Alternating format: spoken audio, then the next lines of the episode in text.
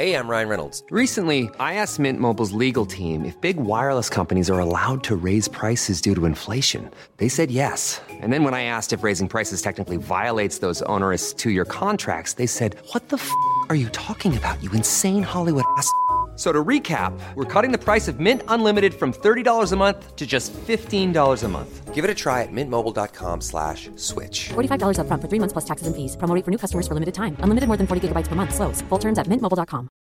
The number one selling product of its kind with over 20 years of research and innovation. Botox Cosmetic, out botulinum toxin A, is a prescription medicine used to temporarily make moderate to severe frown lines, crow's feet, and forehead lines look better in adults. Effects of Botox Cosmetic may spread hours to weeks after injection, causing serious symptoms. Alert your doctor right away as difficulty swallowing, speaking, breathing, eye problems, or muscle weakness may be a sign of a life threatening condition. Patients with these conditions before injection are at highest risk. Don't receive Botox Cosmetic if you have a skin infection. Side effects may include allergic reactions, injection site pain, headache, eyebrow and eyelid drooping, and eyelid swelling. Allergic reactions can include rash, welts, asthma symptoms, and dizziness. Tell your doctor about medical history, muscle or nerve conditions, including ALS or Lou Gehrig's disease, myasthenia gravis, or Lambert Eaton syndrome and medications, including botulinum toxins, as these may increase the risk of serious side effects. For full safety information, visit BotoxCosmetic.com or call 877 351 0300. See for yourself at BotoxCosmetic.com.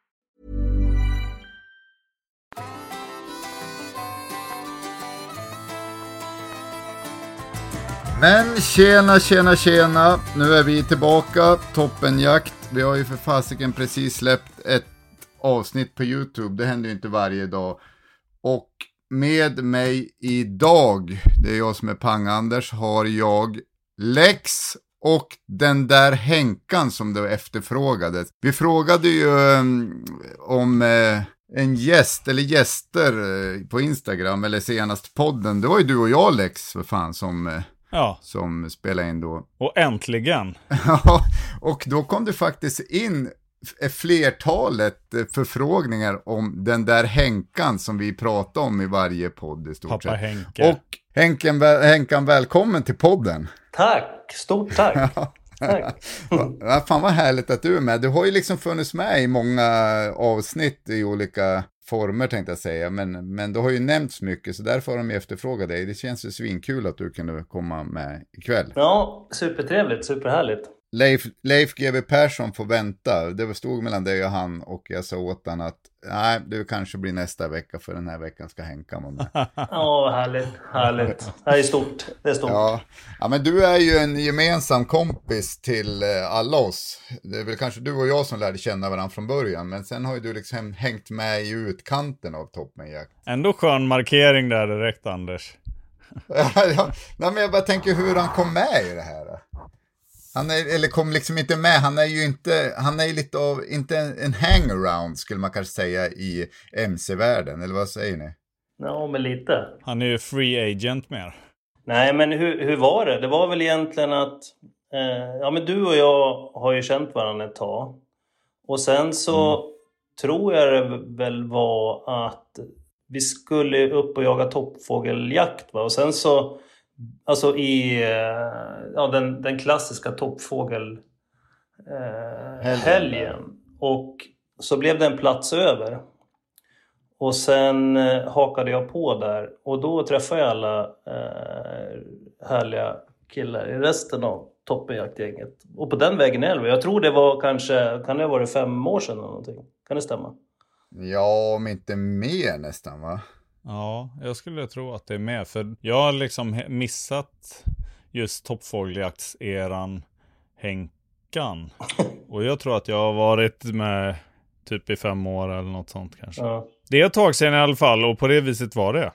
Jo, och, och vi, du bor ju i Uppsala. Där brukar ju vi hänga mycket när vi är och jagar. Det är lite, du är ju lite av en fixare för oss. Det är, du är som en materialare i en eh, lagidrott nästan. ja, men exakt. Ja, men det har väl eh, blivit min roll. Jag vet inte om det är självpåkallat eller, eller vad det blir. Men, men så har det blivit lite grann. Men jag gillar ju det. Eh, och det, ja, men det är jäkligt kul. Det har ju blivit lite jakter och sen så blir det ju så att man, ja, man känner lite folk och, och, och ni är väl inte helt otrevliga att presentera för andra så att eh, det ena ger det andra helt enkelt. Ja. Men Henke, du har väl jagat ganska länge? Ja, jag tänkte på det när jag tog... Jag tror jag tog min jägarexamen, ska vi se, 93 tror jag. Kan det stämma? Ja, tänka sig. Men, men det, det blev bara en toppfågeljakt för dig. Du sköt ju ändå en orre. Jo, men jag gjorde ju det. Men alltså, jag, jag är ju helt usel på skida. Och du gnällde ju på att jag skidade bara väg hela tiden. Så att jag blev ju stukad. Alltså, jag ville ju, ville ju ta genväg hela tiden och åka, åka mycket skoter. Men det fick man ju tydligen inte göra. Så det blev mycket skida väg. Jag vet, alltså det är en ganska rolig eh, grej det där när du var, vi skidade ju du och jag ihop då. Och sen hör jag liksom, nej men du, vad fan, sa Henkan till mig. Är det inte bättre att vi håller oss på vägen för att vi täcker ju mera mark, går ju fortare på vägen. Alltså den är inte dum, för ofta ser man ju faktiskt äh, fågel efter vägarna, men men det var ju som att vi hade tagit alla de där vägarna på någon timme liksom. Då kunde vi inte köra dem igen. Men du, du ville gärna... Ja, men det är ju lite, du känner ju mig, det är ju lite mitt signum. Jag vill ju effektivisera saker och Ja. ting. Du vill ju gärna åka i djupsnön, alltså två meter bredvid vägen. Och då tycker jag, men alltså vi har ju en väg. Ska vi inte Ja. ta vägen? Men du tjatar ju om den här känslan. Ja men det är väl känsla tycker jag att ta sig fort fram. Men, ja, var inte helt överens men, men Nej, det det blev var väl att vi, men- att, att vi skidade i djupsnö ändå, vill jag minnas. Ja, jag vet inte fan. Men, men alltså, eh, materialare och det är all ära, men du har ju jagat sedan 93. Mm. Och du är ändå den här, alltså du kan ju guida oss en del. Mm. Eh, Det är ju min upplevelse. Du kan ju guida mig i livet eh, i stort också. men, men alltså oss allihopa. Mm. I, i, i, i, ja men alltså det är ju, eh, jag vet inte, det är väl, måste ändå varit du som har lärt eh, Pang-Anders eh, och se, se skillnad på dov och rå och kron till exempel. Ja, men alltså där måste vi ju bryta in. Alltså lärt. Jag har försökt. Men jag vet jag, jag är inte helt om jag har lyckats med uppdraget. Men, eh, eh, men jag tror vi jobbar på det allihopa. Eh, att försöka lära Pang-Anders och, och se skillnad på dov och kron. Ja, det, det, det är ett omöjligt uppdrag. Men faktiskt, jag tycker att jag har ändå blivit lite bättre på det. Men, men jag är inte fulländad än. Nej. Men, eh, nej, men och, och du, om, för de som inte känner dig, man måste ju ändå också säga att du är väl, du har ju nästan, ska jag säga, Lill-Oves storkukslugn. På något sätt. Eller vad säger du om det Lex? Ja, 100 procent. Men det är yt, yttre, yttre lugn och inre kaos kanske. Jag vet inte. Ja, så kanske det är. Eh, och er som inte har hört ordet storkukslugn betyder liksom inte storleken på kuken utan snarare att man eh, liksom eh, utstrålar ett lugn som inte, mm, som jag kanske inte gör och Kalle framförallt och jag inte gör. Ja, och vad fick vi det förklarat? Ja, men det, är- jag, får, jag får säga tack. Det, var, det, var, det var snällt. Ja, Det är väl beröm. Alltså både, man kan ju tolka det hur man, hur man vill och jag tror jag tolkar det som att... eh, ja, men jag kan ju tolka det på båda sakerna. Så att säga, Ja. I beskrivningen. Ja, men, ja, men eh, ja, alltså sen har du ju en gråhund, Essie. Hon har ju också varit lite omtalad i podden, eller hur? Ja men exakt, du har ju nämnt henne några gånger. Och det har ju varit Ja. diskussioner fram och tillbaks eh, kopplat till humlan och hundar. Och, alltså det är ju läx, alltså vi har ju pratat sjukt mycket om, eftersom vi alla har unghundar, eller haft, eller vi har väl fortfarande ska jag säga. Så att det, det har ju varit svinhärliga diskussioner måste jag säga. Ja, verkligen. Och att man bara bollar fram och tillbaks och man stöttar varandra och, och sådär. Så att, ja, superhärligt. Vi tre har ju ungefär sam, det skiljer ju tre dagar mellan Essie och Humlan. Och Mm. jag vet inte med Kelly hur, är hon äldre hon va? Hon är lite äldre än våra. Nej, yngre. Yngre? Yngre. Hon känns så jävla mogen. Ja men de är ju ungefär i samma ålder våra, våra tre hundar. Ja, men ungefär. Det kan man väl ändå säga. Det är unghundar Ja. som har hunnit med injagningssäsong. Alltså en första. Där, där ska jag ändå säga Lex att du är den av oss tre som ligger inne med lugnet på hundarna. Jag, jag, liksom, jag och Henka kan ju hetsa lite med, med varandra. Vi kanske hetsar varandra, jag vet inte. Men vi är väl lite mer hetsiga än vad du är. I mina diskussioner med Henkan om hund och unghund och så vidare så skulle jag nog säga att vi får stötta varandra och jag lyssnar gärna på Henke. Jag lyssnar på dig med Anders, det gör jag. Men, men eh, jag, kan, jag känner inte helt igen mig i det lugnet. Men eh, kul att höra. Nähä. Ja men det utstrålar ju kanske det mer än, men eller, eller så är det för att jag pratar mer med Henkan om hundar hela tiden, typ två gånger per dag. Kanske det. Vem vet. Ja men eh, berätta om Messi. Ja, eh, ja men nu, just nu är det ju väldigt mycket lågsäsong och eh, det är ju så också att det har blivit en parning mellan Essie och en vaktel. Eller det har blivit, det är ju högst planerat ska jag säga. Det är ingen tjuvparning. Ja. Eh, Nu får alla, nu får alla gråhunds eh, såna här eh, ägare som är så här, Åt det rasbiologiska hållet. ja, ja precis. Ja, jo det där är ju känsligt. Men, men i alla fall och eh, det var väl ungefär en månad sedan och igår var vi tog eh, ultraljud. Och det blev bekräftat att det är valpar i magen. Så att eh, det känns Åh, superkul och lite läskigt samtidigt. Eh, det är första gången eh, vi kommer få valpar hemma. Hur, hur, många, hur många kunde man se på ultraljudet? Ja men alltså det var ju tydligen jättesvårt att se exakt, eller de vill inte säga men jag skulle nog säga de sa väl minst tre eh, stycken såg det ut som. Men eh, vill man vara riktigt säker så ska man ju röntga sen då. då. Det gör man efter 45 dagar. Nu har det väl gått ungefär 33. Eh, för på röntgen så ser man eh, skelettet och då kan de mer säga hur många det är. Då. Så att, Ja, ja, ja. Men är det väl inte så himla noga, är det det? Nej men alltså det är väl, alltså, vad jag förstår utan att vara någon jätteexpert eh, så är det på ultraljudet så kan de väl mer säga hjärtslag och att de mår bra. Och på eh, röntgen då är det antal så att man då kan till exempel under förlossning, eller, eller säger man förlossning? Jag vet inte. Vad säger man?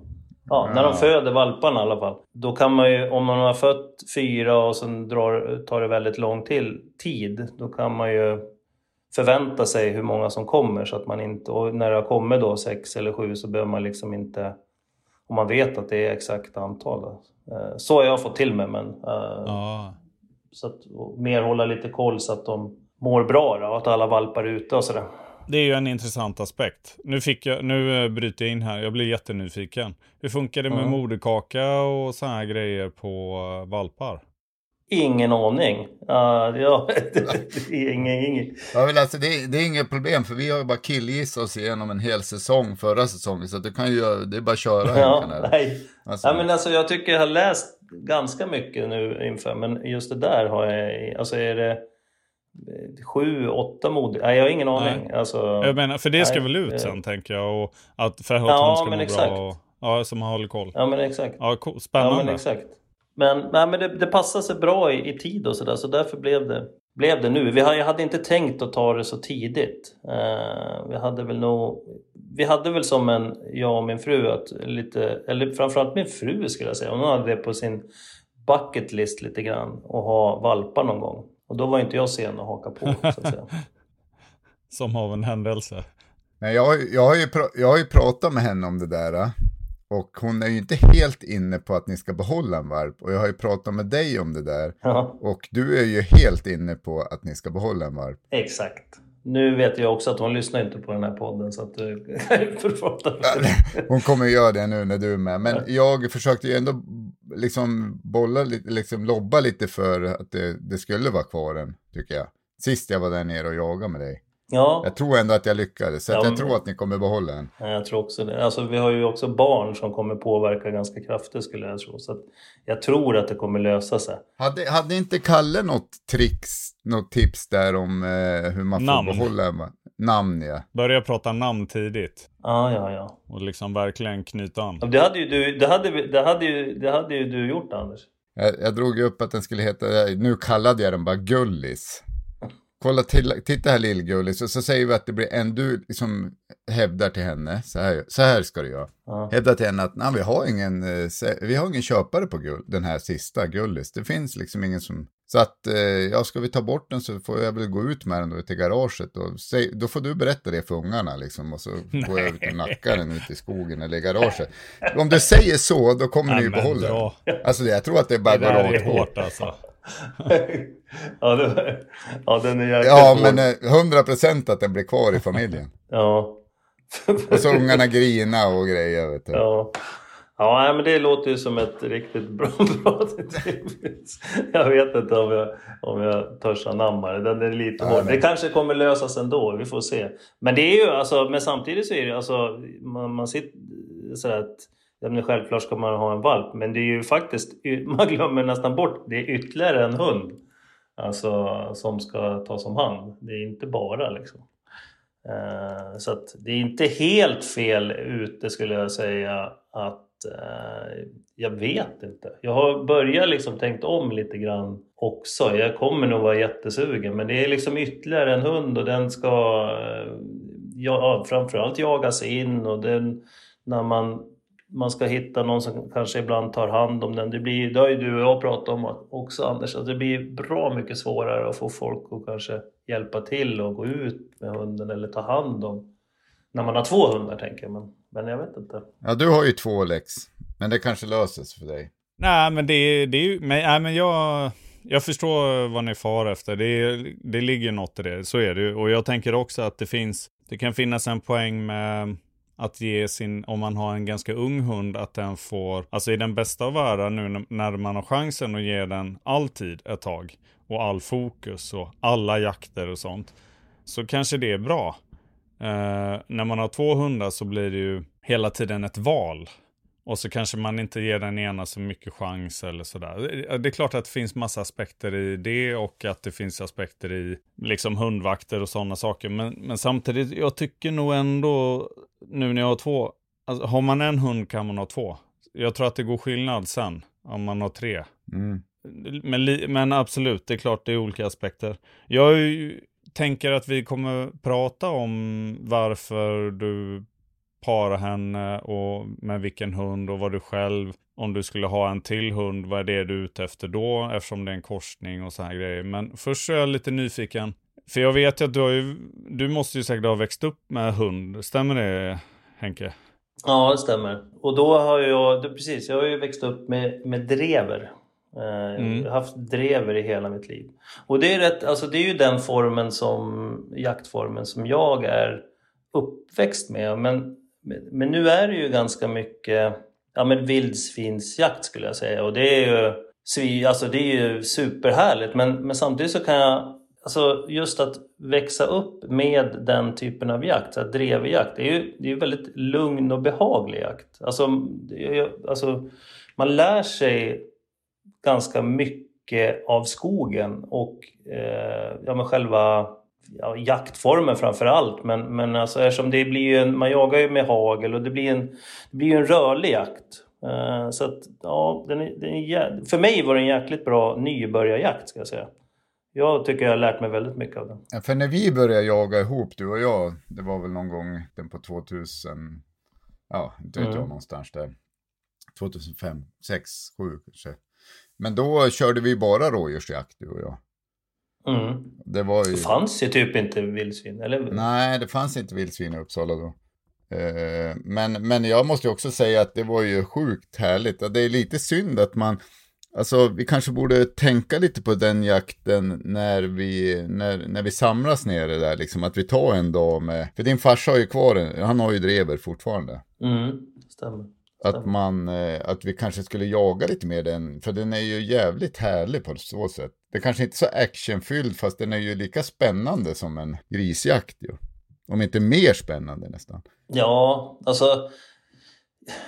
Det, eh, det är både och det där. Det, alltså det, när man väl, jag, jag förstår ju liksom, när man väl har börjat eh, jaga vildsvin ganska mycket så blir det, det är ju en helt annan typ av jakt. Men sen, alltså det är en jäkla skillnad att stå på pass, eh, skulle jag säga, ni får väl tycka till, på en vildsvinsjakt eh, eller stå på pass på en rådjursjakt med ganska rådjurstäta marker. Du nästan alltid är ju garanterad att höra hundskall. Du kan förflytta dig lite grann om det fryser. fryser. Eh, vildsvinsjakt kan ju bli jätteactionfyllt men det kan ju också bli väldigt, som passkytt, det kan ju bli väldigt långtråkigt och kallt eftersom du, ja, men du måste ju ha en helt annan typ av säkerhet eftersom du har kulvapen och oftast ett tilldelat pass och sådär. Ja, ni fattar. Det är en jättestor skillnad. Jag kan känna att den är, eh, jag var ju på min första taxjakt, eh, typ runt jul här ju. Det känns lite som att det är en jaktform, alltså drever, tax och sånt, som jag liksom missat. Som jag kan nästan vara lite avundsjuk på så. Men jag, kan, jag tänker också att det handlar lite om vad, vilka hundar vi jagar, även hur vi jagar vildsvin. Att vi har ju inga, eh, vi har inte så mycket drivande hundar på det sättet, utan det blir ju ganska mycket långjobb och, och sånt där. Och det gör ju också skillnad för passkyttarna. Ja, jo, men precis. Eh, Men jag hade en fråga där nämligen, med tanke på att du har en hel del hunderfarenhet på det sättet. Eh, någon sa att det kan vara klokt att hålla lite på valparna. Inte kanske, det finns ju, jag antar att det finns ju en poäng med socialisering och sånt.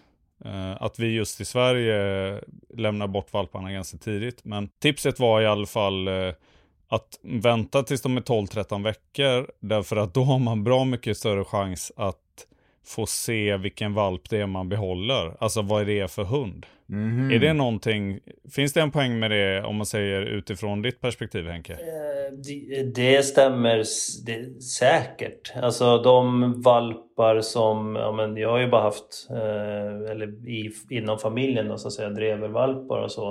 Eh, där har det väl snarare varit åt andra hållet höll jag på att säga. Men, men det låter ju helt, jag, jag har ingen aning men det låter ju helt logiskt egentligen. Och är det inte så att katter är väl 10 veckor? Eh, alltså som regel. Och hundar 8. Och då undrar man ju varför katter just 10 veckor? Alltså var kommer just 8 veckor ifrån? Alltså det är ju rätt tidigt. Ja, jag vet inte. Jag, jag, jag har faktiskt inte eh, hittat det någonstans. Så att, jag har inte hittat något annat rekommendation än, än 8. Så att, Nej, så det är det som är grundplan då? Ja, precis. Eh, men eftersom nu vi inte ska ha en egen valp då, men det får väl... men, nej, jag vet inte. Men alltså, samtidigt så kanske, alltså, jag, jag tänker också efter, eh, efter åtta veckor så kanske man är ganska, det beror ju på hur många det blir, men eh, det är väl en liten ansträngning sådär att ha. Eh, säg att man har fått tio valpar, alltså då kanske man är ganska nöjd efter åtta. Och om man säger att ska man ha dem till 13 veckor, det, det är ganska lång tid till. Men, nej, men jag, ja. Mm. Och sen är det väl också när man ska sälja valparna så är det väl Ja, det är väl åtta veckor man, man pratar om alltid, men, men eh, Ja, men det är inte så att är, man får inte sälja dem innan åtta veckor. De får inte skiljas från tiken innan åtta veckor. Och sen är, det väl, är man väl bara allmänt less på att ha massa valpar hemma så att man säljer dem då Mm. vid åtta veckor. Alltså det har blivit så att åtta veckor och så vill ju valpköparen ha den så tidigt som möjligt. Och, ja, tror ni inte det? Jo, men precis. Men, men jag köper ju helt klart det resonemanget som, eh, har, ja, som du har läst om. Att det är klart att de måste ju, borde ju bli tryggare desto längre och man ser, kan följa utvecklingen lite mer. Ja, just det. Och i det, det här var ju bara, ja som sagt, det här var ju liksom något jag bara fick höra av en annan. Och, och att, att det fanns en poäng i att de fick sin socialisering hundarna emellan under en längre tid. Alltså för att det är lite olika vad man säger där, men de har ju, vad man, i alla fall så kallar man det för att de har en socialiseringsfas i en viss de har en utvecklingsfas där helt enkelt kring socialisering. Och om det är mellan eh, 12 och 16-20 veckors ålder eller vad det nu är. Det kan man nog låta vara osagt för det måste skilja sig ganska mycket beroende på vem man frågar och så här. Men det har säkert med det att göra också att man lämnar bort dem tidigt. För att eh, det nya hemmet ska kunna ha påverkan på socialiseringen. Eh, men att det skulle då finnas en poäng istället i att de får bli mer hund tillsammans med varandra. Och liksom, alltså att de får växa upp lite längre tillsammans. Mm. Att det fanns för och nackdelar med det för Mm.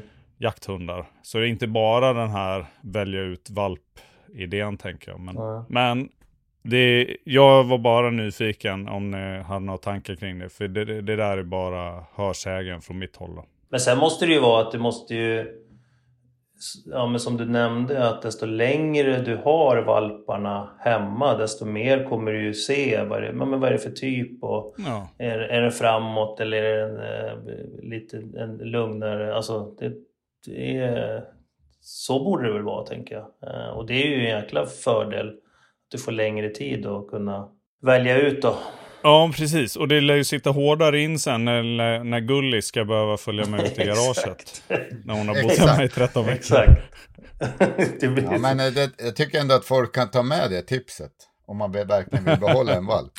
Alltså tanken är ju inte att hon ska ut i garaget. Utan tanken är ju att alla kommer säga nej, nej, vi behåller den. Ja, Men eh, det är lite kul att du ändå har lite koll på drevra. För det är ju en, en hund som vi aldrig någonsin har diskuterat. En hundras som vi aldrig har diskuterat i våran podd tror jag. mm. Eller vi har väl pratat om det. Men för att vi, vi är ju lite anala inom toppenjakt. Vi har ju egentligen bara ställande hundar. Mm. Men, men kan du liksom surra lite om, om den rasen? Hur skiljer den sig jämfört med din gråhund som du har till exempel? Men det är ju en eh, väsentlig skillnad skulle jag säga. Alltså det som eh, är liksom speciellt med... När jag började jaga, och då jagade jag med drever och som jag sa tidigare, då var det ju...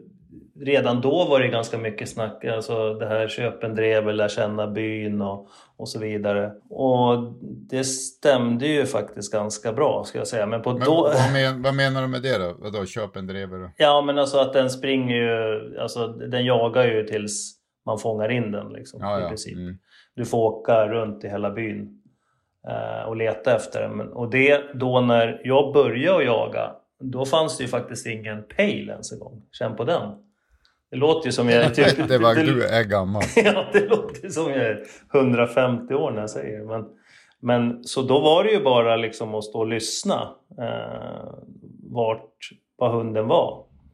Eh, så att, och det kunde ju bli ja, men ganska sena kvällar och det, det här klassiska lägga ut jackan och hålla på. Och sen, men e- sen efter ett tag så kom ju den här äh, knutidén eller vad det nu hette. Jag tror inte vi hade någon knutidé. Det var någon annan. Det är som två antenner som man fäller ut.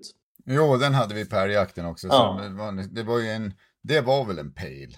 Ja men det var ju en pejl liksom, så blipp. Ja, det var inte en GPS utan Nej. en pejl. En Nej, men precis. Pejl. En- Sen är liksom dick, dick, dick, dick, dick, Ja. dick, dick, dick, dick, och så gick man så bara dick, dick, dick, dick, Ja. dick, dick, dick, dick, och så- Och, och så Ja. kunde det vara åt vilket håll som helst. Tror, tror ni att lyssnarna fattade min Jo. ljudanimation där? Nej men, nej, men det som, alltså, men det som är liksom härligt med, med eh, drevrar så där, om man jämför med, ehm, med spetshundar det är att eh, den här frustrationen som man ibland man kan känna, liksom, alltså, det här med sök och eh, det, det är så många egenskaper som en, som en ställande hund, eller en spetshund eh, behöver ha som är ganska naturligt hos en, eh, en drever. Där är det liksom, ja, men ljust, mörkt skall, eh, många, alltså söket ofta så behövs det liksom inte så mycket för de är oftast, skulle jag säga, alltså rådjurstätheten här nere är ju ganska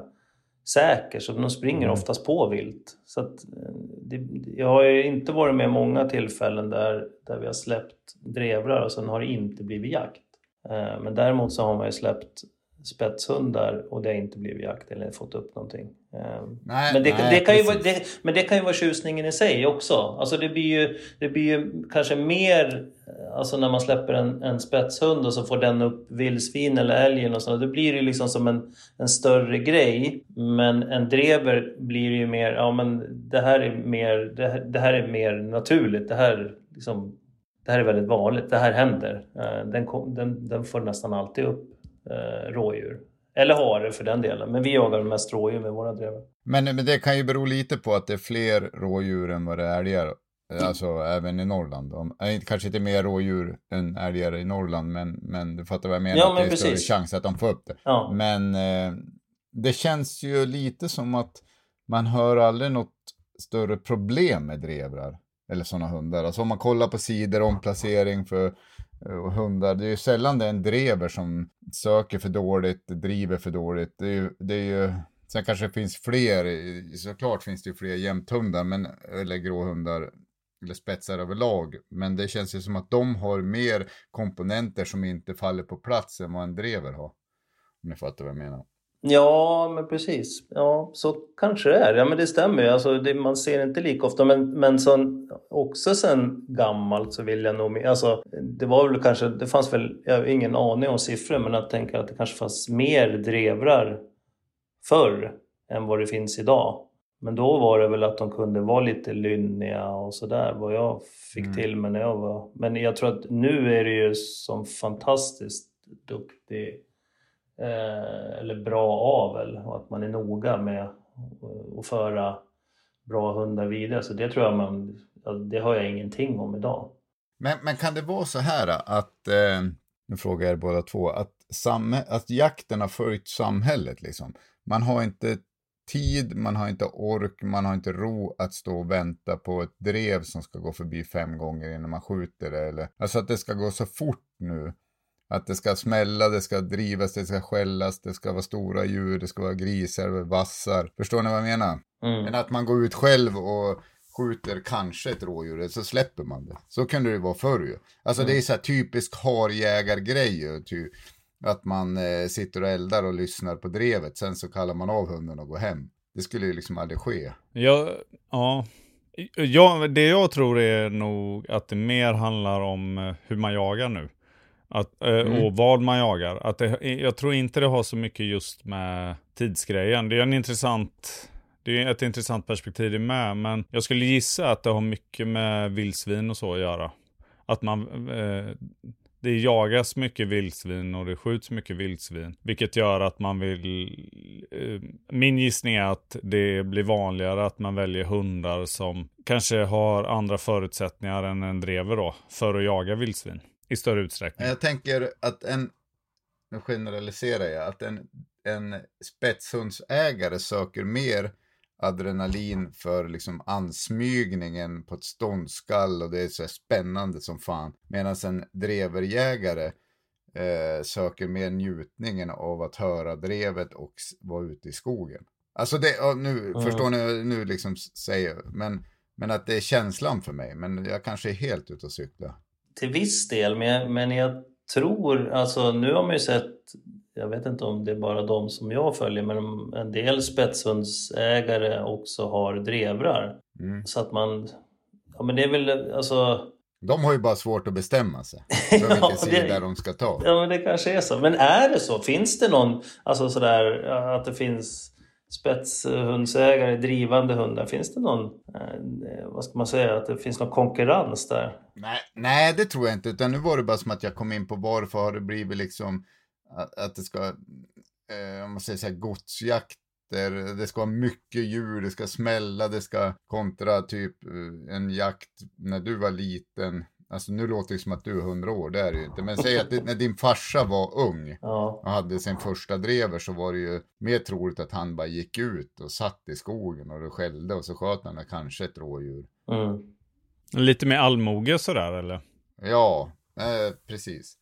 Eh, det är ju lite killgissningar där. Jag blir ju nyfiken nu på att fortsätta i det här spåret. Men just det här med, nu har du, du har en grå hund. Mm. Som eh, jagar ganska mycket som en grå hund än så länge. Mm. Hon är ung. Mm. Men, och sen så nu parade hon sig, får man ändå säga. Hon parade sig. Med, med ditt goda minne då. Med en mm. vaktel. Ja. Eh, och det, det finns, måste finnas en, hon, hon hade säkert också en tanke med det, men jag tänker att du kanske hade en tanke med det. Ja, alltså dels så tycker jag eh, gråvaktlar är jäkligt fina. Eh, de som jag har träffat, vi har ju en eh, kompis eh, i gänget som har en eh, ren gråvaktel. Eh, och, mm. och Aska va, heter hon? Ja. Mm, hon är ju superfin och supermysig på alla sätt. Så det har jag ju haft med mig. Och sen tycker jag just det här att eh, driva med eh, skall också. Ja, det var lite det jag var ute efter ja, också. Precis. Att jag var nyfiken på. Precis, ja. alltså, så det är liksom lite den egenskapen som jag gillar också. Och sen eh, jobba kanske lite närmare men även ha ställande egenskaper. Eh, så det är väl, det är väl de aspekterna som, som jag, ja, men som jag gillar. Liksom. Det som jag hoppas att få ut då, av... Nu låter det som, nu pratar det som jag ska ta en valp. Så att, det- men, men, eh, Ja. men vi får väl se. Gullis. Ja, exakt. uh, ja, men det, de sakerna är, det är väl det som jag gillar med just den här kombinationen. Eh, ställande men samtidigt drivande ska jag säga. Och plus att jag tycker att eh, det blir en jäkligt fin hund. Det, det är som att det ditt eh, nerärvda drever eh, hjärta som ändå slår igenom att du ändå vill att de ska driva lite grann. Ja, lite så. Lite så. Nej, men jag vet inte. Men alltså, det, det är väl det. Alltså jag, samtidigt så...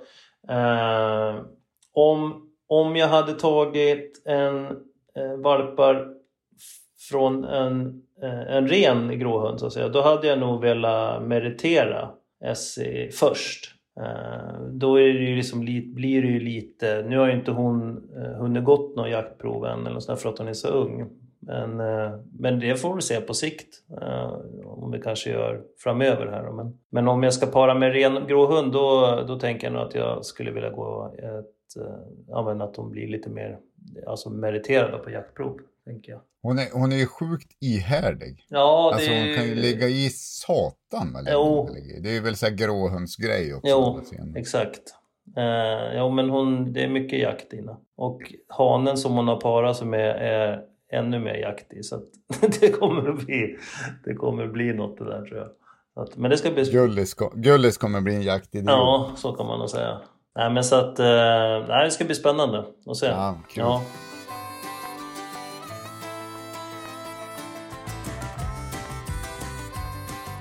Ja men eh, om vi ska prata lite jakt då. Eh, Lex, enligt Instagram har ju du varit ute och jagat.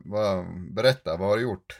Jag var ute egentligen för att... Nu, jag håller på, nu laddar jag lite för den här lågsäsongen. Eh, jag vill gärna få lite banda och liksom spåra och lite sådär med Kelly. Och liksom se- ser ändå fram emot lite vildsvinsjakt nu i vår och sådär. Mm. Så jag åkte ut för att sparka igång åten och eh, se vad jag kunde hitta på helt enkelt. Eh, så eh, jag fixade lite med det, satte upp en eh, ny kamera, precis att jag inte behövde pannlampa. Eh, vänta tre minuter för att se om den tar kort och då har det blivit eh, mörkt. Så då slår jag på eh, mitt termiska sikte. Och det första jag ser är typ en stor grupp med grisar, eller vildsvin då. Mm. Men ja, på 400 meters avstånd kanske. Alldeles på fel sida kan man säga. Det det är ett jättestort gärde, flera åkrar och så här. Eh, så det är fel sida markgränsen och jag börjar i alla fall gå dit. För det är ju alltid kul liksom.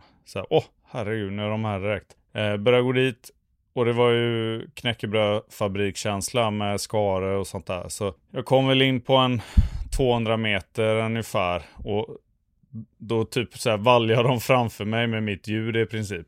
Så då kändes det ganska så här utsiktslöst att de skulle gå över det här vattenfyllda, isfyllda diket in där jag skulle stå och vänta. Och så bara så här, finner jag mig själv i att bara, nej, det känns ju jättejobbigt att stå och vänta på att de ska komma in på rätt sida marken. Och jag vet att jag har kall öl hemma och min kvinna är vaken bara, gud vad mysigt skulle vara att bara åka hem istället. Och så gjorde jag det.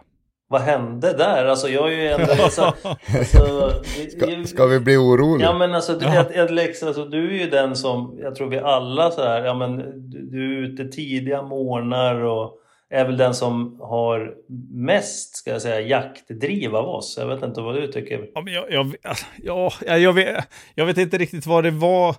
Alltså det kan ju vara en ren, eh, det kan, det kan ju ha varit korrekt. Att de, de kommer aldrig gå över det, för det bara small ju i dikena i takt med att det blev kallare när solen har gått ner och sånt. Och de kanske var livrädda, de kanske inte alls skulle gått över där liksom. Det kanske hade varit helt lönlöst att vänta. Men Alltså det stora är väl att antingen så handlar det om att det, det är ju inte riktigt lika kul när de inte är hundjagare. Eller så är det bara att jag att jag är för gammal eller någonting. Men alltså, men, Så jag tänker att det har med hunderiet att göra. Eller bara, eller bara sund. Ja. ja, vem vet.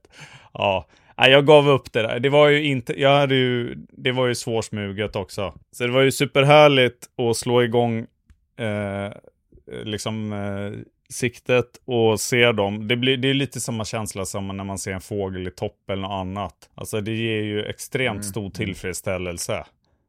Eh, på något sätt, bara att få se det där. Men och sen att smyga sig på dem där och komma rätt i det här knastret och de börjar gå bortåt. Och, så när jag stannar kommer de tillbaka och sen när jag går då går de iväg. Och, jag, tror, jag tror att det var lite sylt i ryggen och sånt där. Att det kändes som att det här kommer bli sent och jobbigt och sånt. Nästa gång då lämnar du ett ståndskall liksom också. Nej.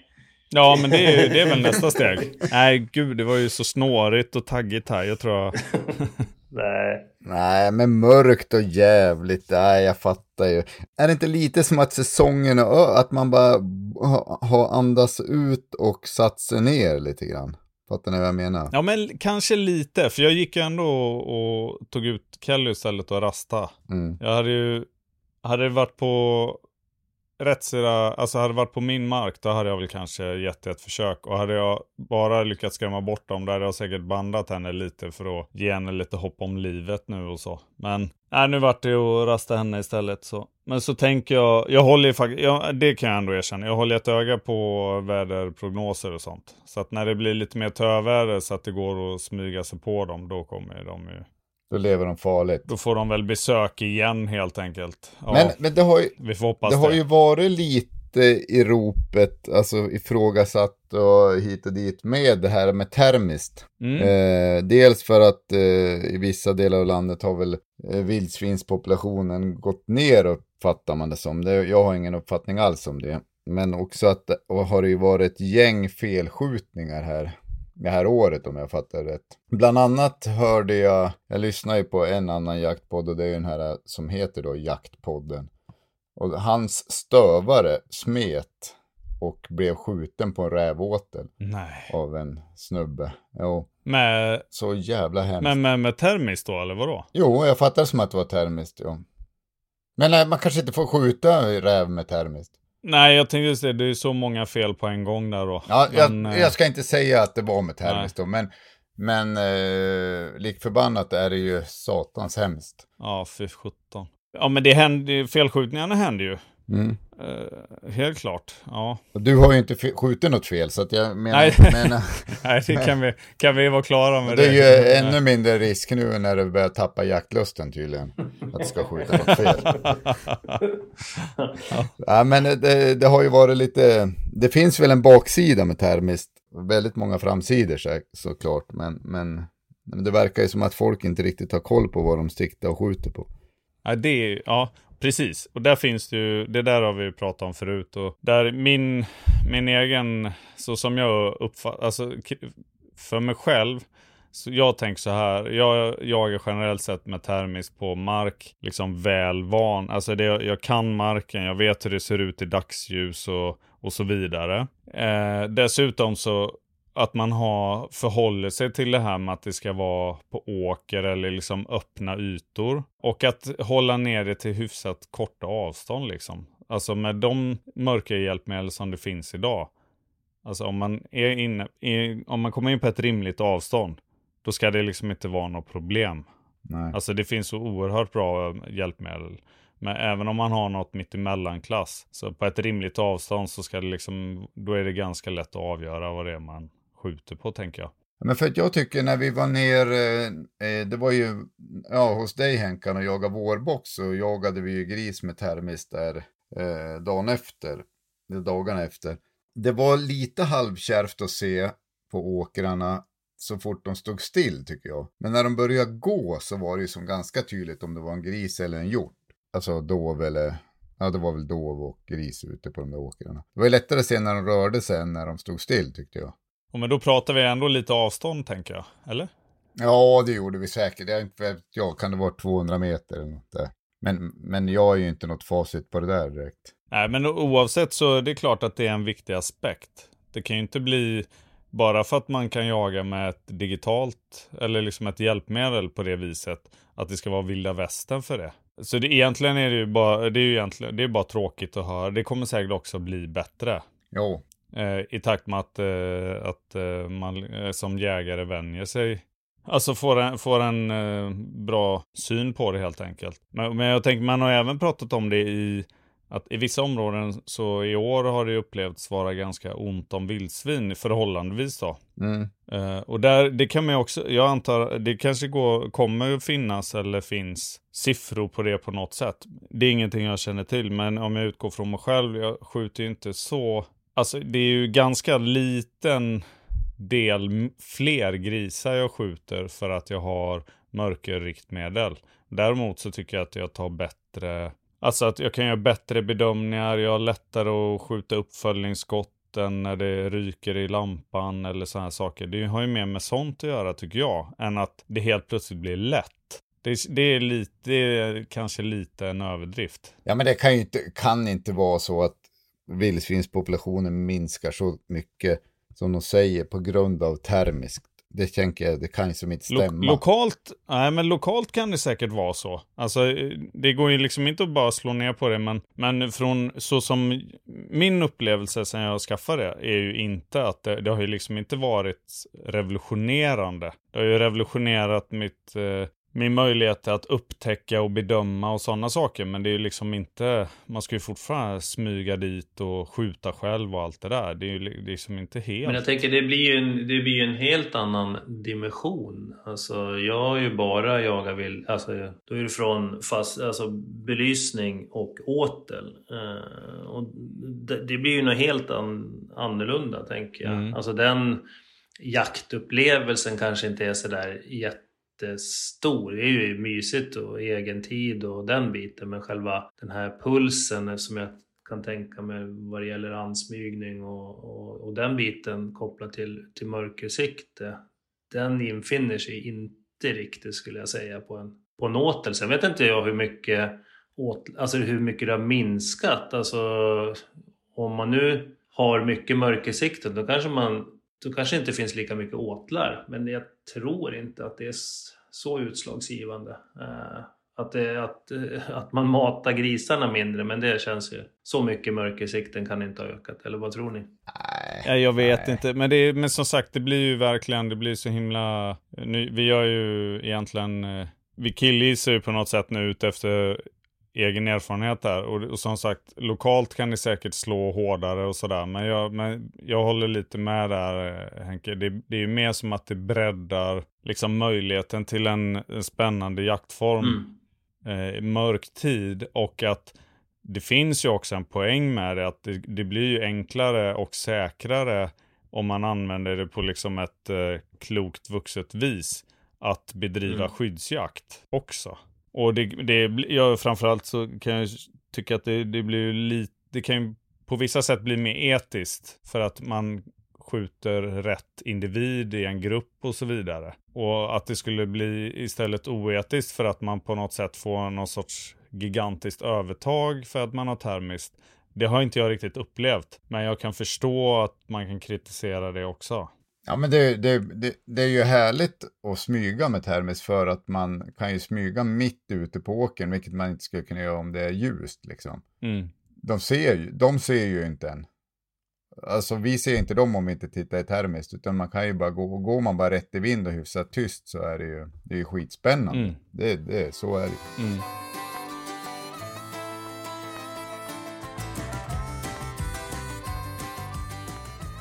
Men hörni, vi kan ju inte köra ett poddavsnitt den här veckan utan att tyvärr behöva nämna Ukraina, Ryssland och allt helvete och djävulskap som är där. På något sätt måste man ju ändå belysa det.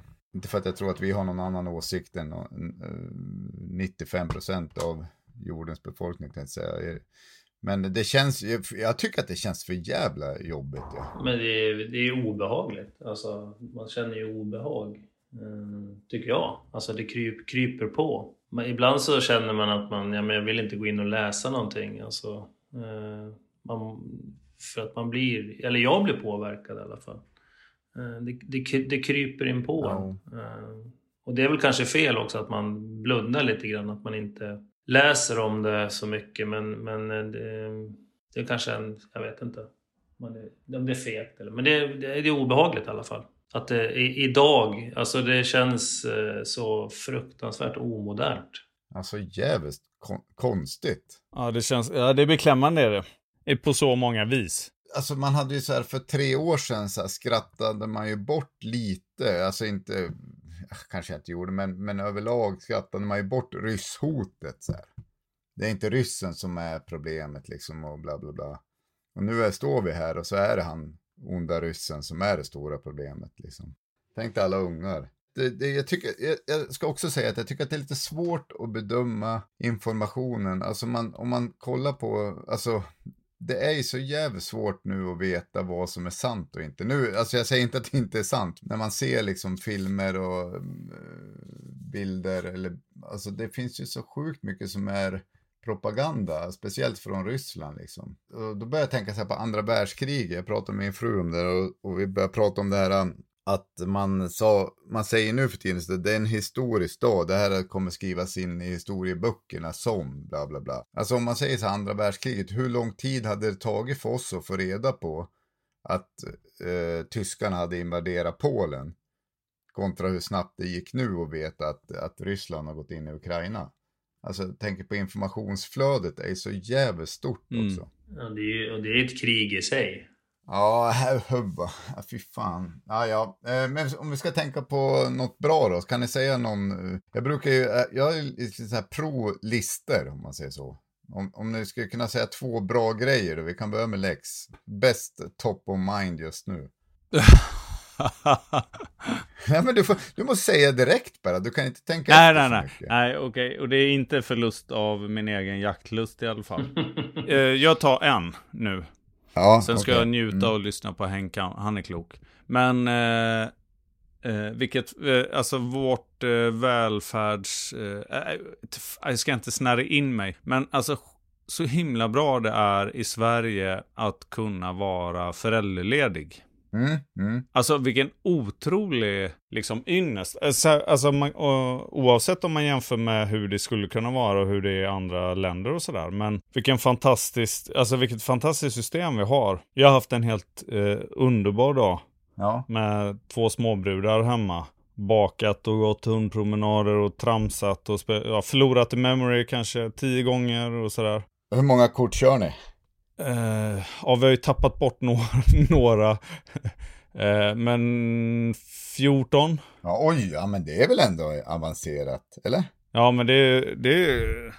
Alltså, där jag skulle, gör där ju skulle mitt jag ha svårt. Och så, om hon gör sitt bästa, då vinner hon ju alltså fler gånger än vad hon förlorar i alla fall. Ja. Det är ballt. Men alltså hela den grejen, det är ju, det är ju magiskt alltså. Ja. Och hur, liksom, ur, vilken så här ynnest eller vad lyxigt det är liksom att kunna få eh, liksom nyttja en sån, jag vet inte, rättighet, frihet liksom. Att kunna vara liksom ledig och få ändå typ så här ekonomi eh, att funka med och kunna typ vara med sin familj på det viset. Det är fan fantastiskt. ja, men det var ju en bra grej. Det här är ju något nytt för Henkan, han är så gammal Jag kommer inte ihåg. Nej, nej, nej, nej, det fanns inte pappaledigt då på Henkans tid. Fan. ja men alltså det låter... Alltså, jag- det, det, det, ja, det framstår ju nästan som jag är så hur, hundra år. Alltså drever och ingen pejl och det... Alltså, Nej, men vi, vad fan, du är ju bara 40, vad är det, 47, 46? 46. Nej, 46. 46, ja. Nej, det är inte. Nej, det är för fan ingenting. Nej. Ja, men det var väl en bra grej, Lex. Det tar vi Jättebra. med oss. Henkan, har du något du vill trycka på? Ja men alltså jag, jag, jag ska bara spinna på lite grann det som slog mig också kopplat till alltså just inte för att jag önskar att jag hade eh, kanske gjort det ännu mer när jag var yngre och även hade lusten till det. Men det är ju liksom att möjligheten vi har till att studera. Alltså den är ju otroligt förmånlig. Att ja, men nu vill jag plugga till läkare och sen så får man göra det. Och jag får ta eh, förmånliga lån för det och så vidare. Men sen eh, har jag en till grej som jag är, ser fram emot jäkligt mycket. Som jag är jäkligt taggad för. Det är att jag ska bygga en stuga uppe i Leksand. Alltså jag är sjukt taggad på att dra igång med det. Men fan vad skoj. Alltså det lät det som att jag var Mm. förvånad att det ska bygga en stuga i Leksand. Det var jag inte för att det vet jag ju om. Men det är ändå kul att ni ska göra det. Ja men det ska bli, alltså det, det känns som... eh, Alltså jag byggde ju det här huset vi bor i nu också. Jag var inte alls lika taggad då. Nu ska jag bara njuta och se det som ett roligt projekt. Kan det varit för att du bodde i någon sån här halvsnuskig, sunkig eh, husvagn eh, ute på en lerig gård när du byggde det där huset? Med två småbarn ja. ja men Ja. det kan ligga någonting i det. Uh, nej, det var ju inte svinhärligt alltså. Det kan ju de som funderar på det, tänk, tänk om. Eller köp en finare husvagn kanske eller någonting. Eller jag vet inte. Ja, men kul, kul Henkan. Och du, eh, tack för vändningarna då, för jag fick, eh, det var lite både skräckblandad förtjusning och tänka att du skulle börja läsa till läkare. Pappa Henke som läkare. Det ju Exakt. alldeles exakt. för stor auktoritet Ja. för mig alltså. Alltså jävla sjukt att du tog just läkare också. Inte så här, nej men jag ska byta, jag ska bli elektriker eller något. Nej, läkare. Ja, Men alltså, ja, ja men det är jag ju utbildad till. Men, ja, men alltså, alltså jag, jag, jag hade önskat, alltså det finns ju de som börjar plugga till läkare när man är 50 år. Alltså vilken jävla grej. Alltså, Jo, jag beundrar de som, som, som pallar med det. De har förmodligen lite andra läshuvuden än vad, än vad jag har. Ja, men, och sen har man inte blivit lite så här när man har jobbat länge nu, att man har ju blivit dum liksom. Alltså inlärningsdum. Är, man har ju svårt för att, ta, jag i alla fall, det är svårt att ta till med eh, ny kunskap så här i form av text eller någonting. Jo, men, eh, nej, men jag håller med. Men det kan väl vara också att man, eh, ja, men man kanske inte är lika på alerten. Kan det vara så? Om man är lite, man, man är lite bekväm helt enkelt. Jag då, tackar som frågar grabbar. eh, jag skulle vilja lyfta fram att nu kommer vårvintern i, i Norrbotten. Nu har vi som gått från november till nu i någon slags jävla mörker. Och sen nu kommer solen, det finns fortfarande snö kvar, isarna ligger. Nu har ni, nu har ni bara två meter snö. Ja, nej men vi har ju fortfarande lika mycket snö, men solen börjar värma och jag var ute på, vi har ju så här milslånga isvägar i Luleå, ut i skärgården. Så man, de är ta mig fan så här 30 meter breda som de har plogat upp. Så man kan köra bil ut och så tar man skidor därifrån och åker ut liksom på isarna. Det är helt sjukt härligt. Ja, men det är jävligt. Jag har faktiskt Ja, du har ju varit ute på en sån. Ja, lite läskigt. Men alltså väl värt ett besök om man funderar på att åka Ja. till Luleå. Åka ut på isvägarna är jättefint, måste jag säga. Så nu är det ju härligt fram till maj. Sen maj är ju helt förkastligt. Sen kommer sommaren, så det blir bra. Och sen ska jag säga min och Humlans rela- relation är ju, sen jag fick tillbaka henne så har den ju varit tipptopp alltså. Har du gjort någon analys av det? Eh, ja, jag har, jag, jag har gjort jättemånga olika analyser. Men jag har varit självkritisk i dem faktiskt. Eh, eh, dels så tror jag för att vi avslutade i säsongen med tre grisar. Och där någonstans så började jag ju som tänka att det här blir nog liksom, fan vad bra. Nästa säsong kommer bli liksom, nu där är det liksom lugnt. Hon är härlig. Och så då har jag börjat softa till mig lite mot hon. Och eh, sen så har hon ju löpt tredje löpet här och har ju enligt mig blivit helt annorlunda. Hon är så jävla mycket lugnare och skönare liksom.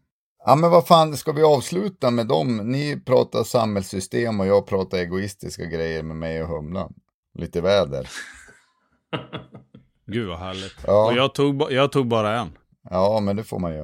Eh, men eh, vår första gäst någonsin, det, det kom- kommer bli en historia. Det är en historisk dag inom Toppenjaktspodden att vi har en gäst med oss och det är du Henkan. Det var kul att du, kom, att du ville vara med och det är härligt, att- alltid härligt att surra med dig. Ja, men vad härligt. Ja, men Tack för att jag fick vara med. Det var ju supermysigt. Tack Henke. Ja, men tack.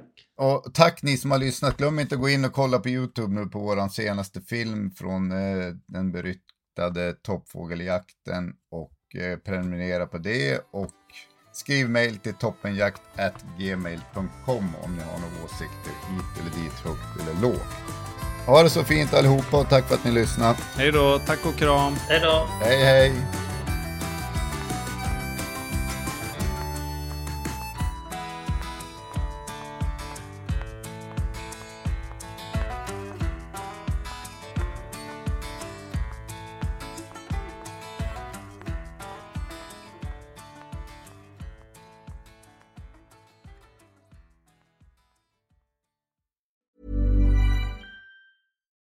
Botox Cosmetic, out of botulinum toxin A, FDA approved for over 20 years. So, talk to your specialist to see if Botox Cosmetic is right for you. For full prescribing information, including boxed warning, visit BotoxCosmetic.com or call 877-351-0300. Remember to ask for Botox Cosmetic by name. To see for yourself and learn more, visit BotoxCosmetic.com. That's BotoxCosmetic.com.